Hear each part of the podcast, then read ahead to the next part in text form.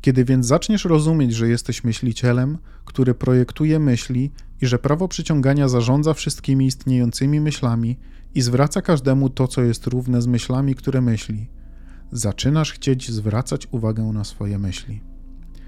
Jednak zwracanie uwagi na swoje myśli doprowadza cię do szaleństwa, ponieważ jest ich tak wiele. Jak w ogóle masz zdecydować, które myśli są właściwe? Tak więc, jako ludzie na waszej planecie, zbieracie się w grupy i często dochodzicie do błędnego założenia, że tylko dlatego, iż więcej ludzi uważa, że dana myśl może lub musi być właściwa, to tak właśnie jest. Chcemy, abyście zrozumieli, że myśl, która jest właściwa dla ciebie, może nie być tą, która jest właściwa dla kogoś innego, ponieważ istnieją czynniki, które dotyczą tylko ciebie i nie dotyczą nikogo innego.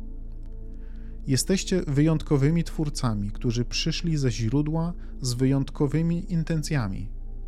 Zatem sposobem, w jaki zaczynasz rozumieć swoje myśli i zarządzać nimi, jest zrozumienie tej bardzo krótkiej historii. Opowiemy Ci historię Twojego pochodzenia i przybliżymy Ci, kim jesteś tu i teraz. I powiemy Wam to w taki sposób, abyście nigdy nie zapomnieli, jak to się stało, że pojawiliście się w tym środowisku. Jak to jest, że możecie zrozumieć myśli, które myślicie? Jak to jest, że możecie wykorzystać wewnętrzny system naprowadzania, z którym się urodziliście?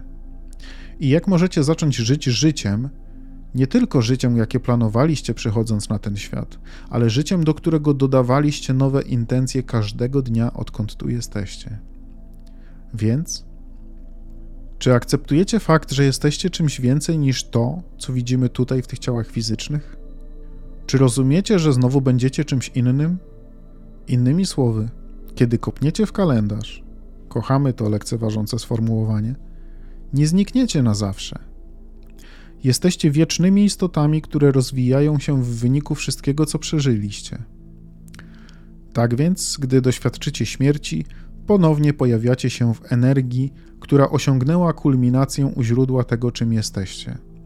I w przeciwieństwie do pojedynczych istot, które widzisz wokół siebie, które nazywasz ja, ty, wy, inni, energia źródła w was nie jest definiowana przez skupiska ciał. Nie macie dusz, które zostały wam osobno przydzielone. Istnieje strumień świadomości, który jest źródłem wszystkiego, co jest. Ale to nie znaczy, że kiedy ponownie pojawicie się w planie niefizycznym, staniecie się bardzo małą kroplą w bardzo dużym morzu. Zawsze będziecie rozumieć swoją specyficzną tożsamość w tej jedni, którą nazywamy wszystkim, co jest, lub którą niektórzy nazywają Bogiem. Zatem istnieliście przed tym ciałem fizycznym jako energia źródła. Ta energia źródła, która rozumie dobrostan, ta energia źródła, która ma zapał do życia i zrozumienie wieczności tego, co jest życiem.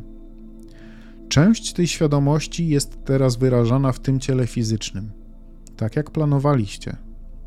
Powiedzieliście: Chcę wejść w ten wspaniały, szczytowy punkt rozwoju w planie fizycznym, w którym panuje różnorodność i stabilność.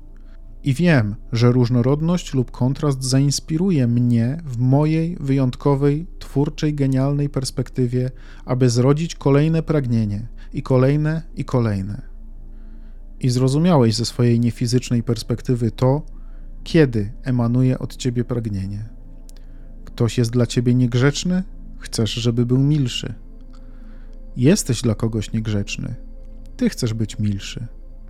Nie masz czegoś dość, chcesz więcej. Jesteś chory, chcesz być zdrowy. Nie masz wystarczająco dużo pieniędzy, chcesz więcej pieniędzy.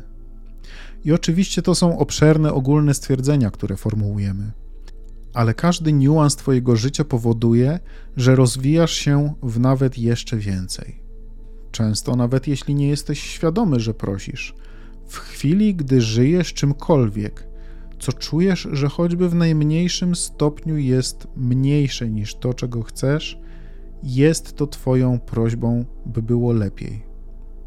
Innymi słowy, kontrast tej czasoprzestrzennej rzeczywistości powoduje, że w bardzo specyficzny sposób stale tworzycie nowe, nowe, nowe i nowe pragnienia, tak jak obiecaliście a źródło w was otrzymuje te rakiety waszych pragnień i preferencji radośnie odczuwając ekspansję i rozwój, które zapewniliście mu dzięki swojej chęci przesiewania życiowych doświadczeń i staje się wibracyjnym odpowiednikiem tego nowego pragnienia. A teraz to jest część, którą chcemy, żebyście usłyszeli i zapamiętali. Wy dzięki temu staliście się czymś więcej.